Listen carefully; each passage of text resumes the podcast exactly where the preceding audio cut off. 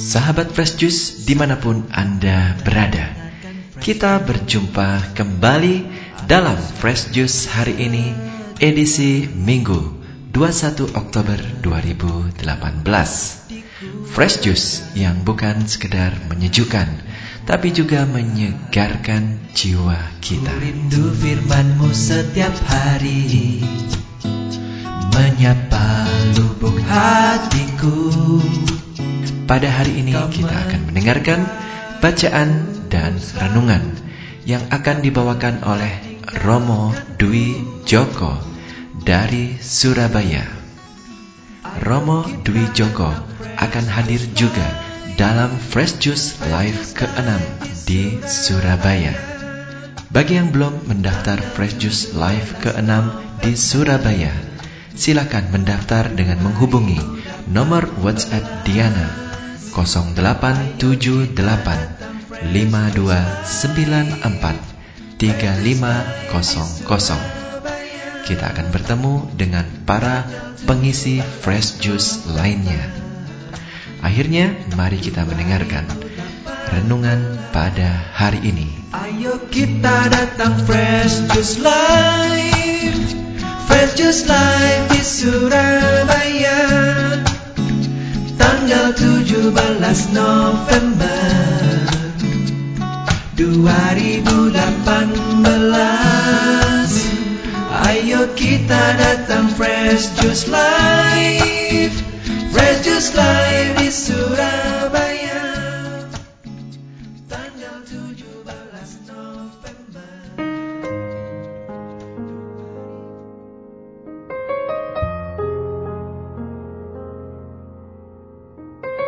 Para sahabat Fresh yang terkasih, selamat pagi, selamat berjumpa kembali, salam damai dalam kasih Tuhan. Hari ini, hari Minggu biasa ke-29, juga merupakan hari Minggu misi sedunia ke-92. Kita akan mendengarkan bacaan dan renungan yang diambil dari Injil Markus, bab 10, ayat 35 sampai dengan 45. Para sahabat, mari sejenak kita membuka hati untuk mendengarkan sabda Tuhan. Sekali peristiwa, Yakobus dan Yohanes, anak-anak Sebedius, mendekati Yesus dan berkata kepadanya, "Guru, kami harap engkau mengabulkan suatu permohonan kami." Jawab Yesus kepada mereka, "Apa yang kamu kehendaki ku perbuat bagimu?" Mereka menjawab, "Perkenankanlah kami ini duduk dalam kemuliaanmu kelak, seorang di sebelah kananmu dan seorang di sebelah kirimu." Tetapi kata Yesus kepada mereka, "Kamu tidak tahu apa yang kamu minta. Sanggupkah kamu meminum cawan yang harus kuminum dan dibaptis dengan baptisan yang harus kuterima? Jawab mereka, kami sanggup. Yesus lalu berkata kepada mereka, Memang kamu akan meminum cawan yang harus kuminum dan akan dibaptis dengan baptisan yang harus kuterima.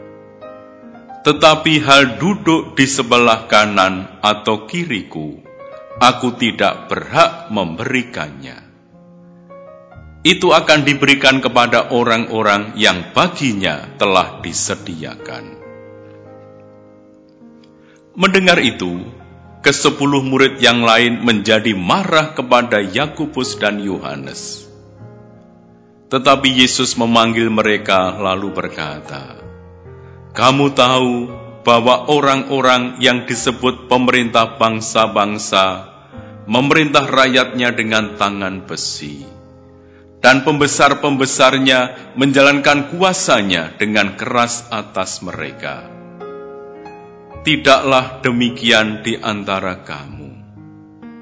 Barang siapa ingin menjadi besar di antara kamu, hendaklah ia menjadi pelayanmu Dan barang siapa ingin menjadi yang terkemuka di antara kamu, hendaklah ia menjadi hamba untuk semuanya.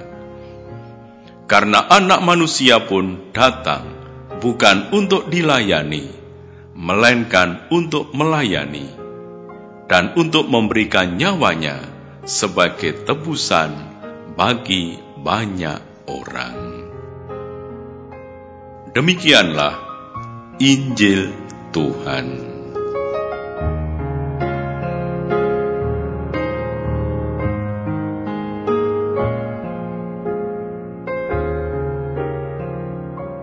Para sahabat, Yakobus dan Yohanes terhitung di antara tiga murid yang paling dekat dengan Yesus.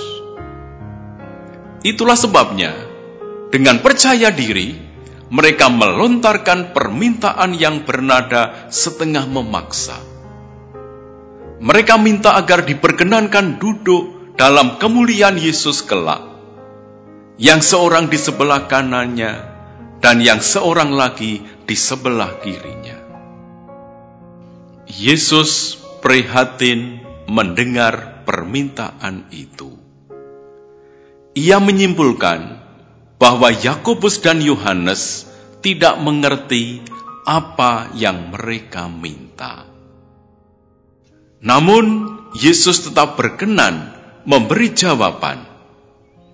Tetapi jawaban itu berupa pertanyaan yang dimaksudkan untuk mengajak mereka merenungkan kembali makna permintaan itu.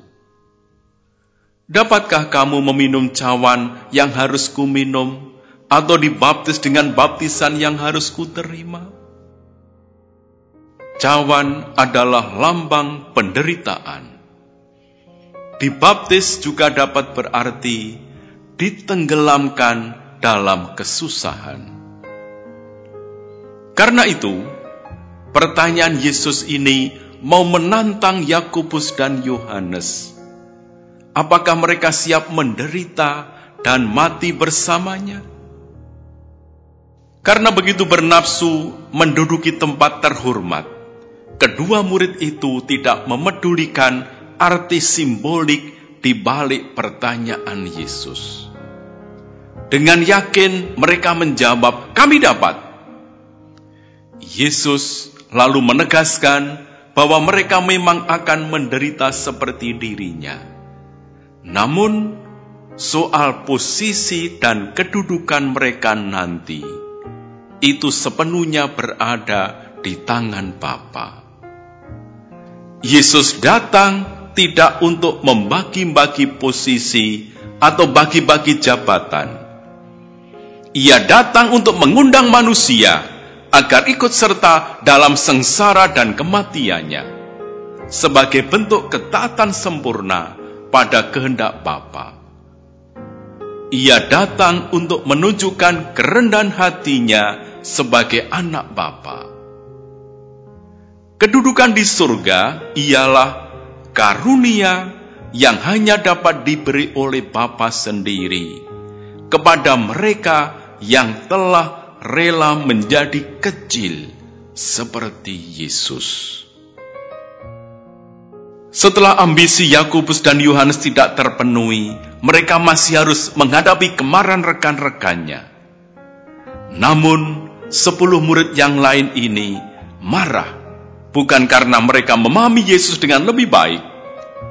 Mereka gusar karena didahului oleh Yakobus dan Yohanes.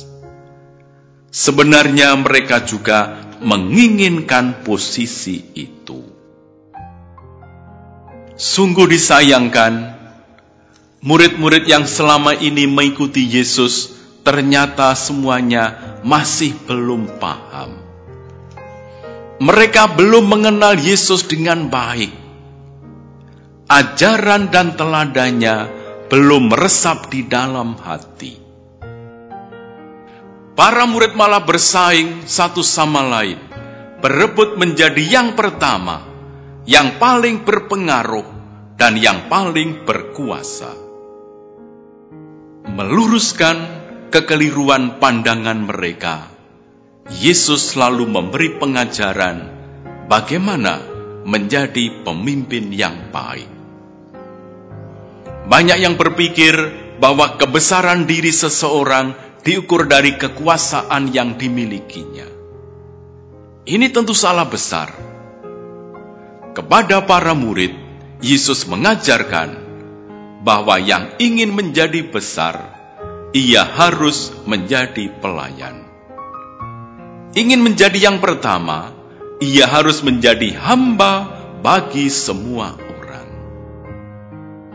Seorang pelayan senantiasa berusaha memenuhi kebutuhan orang lain. Ia tidak pernah punya niat menguasai orang lain demi keuntungan diri sendiri. Di situlah letak kebesaran diri seseorang, yakni ketika ia selalu meletakkan kepentingan sesama di atas kepentingan pribadi. Kebesaran seseorang itu baru teruji jika ia memberi dirinya untuk melayani, bukan untuk dilayani.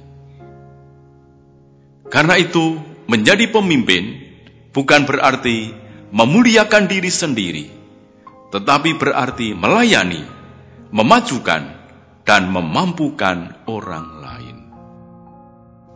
Para sahabat, pada perayaan Minggu Misi sedunia ini dengan tema Wartakanlah Injil bersama kaum muda, Paus Fransiskus bersyukur dan mendorong kaum muda untuk dengan penuh semangat menjadi saksi cinta kasih. Paus menyatakan, begitu banyak orang muda menemukan jalan melayani yang paling kecil dari saudara-saudari kita dalam pelayanan sukarelawan misioner dengan menjunjung keluhuran martabat manusia dan menjadi saksi sukacita, cinta, dan kegembiraan menjadi orang Kristiani.